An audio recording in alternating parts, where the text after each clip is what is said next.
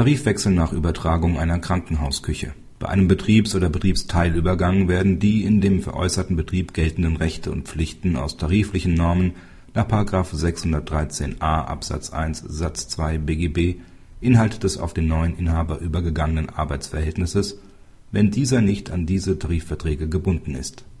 Das gilt nach § 613a Absatz 1 Satz 3 BGB nicht, wenn die Rechte und Pflichten bei dem neuen Inhaber durch einen anderen Tarifvertrag geregelt sind.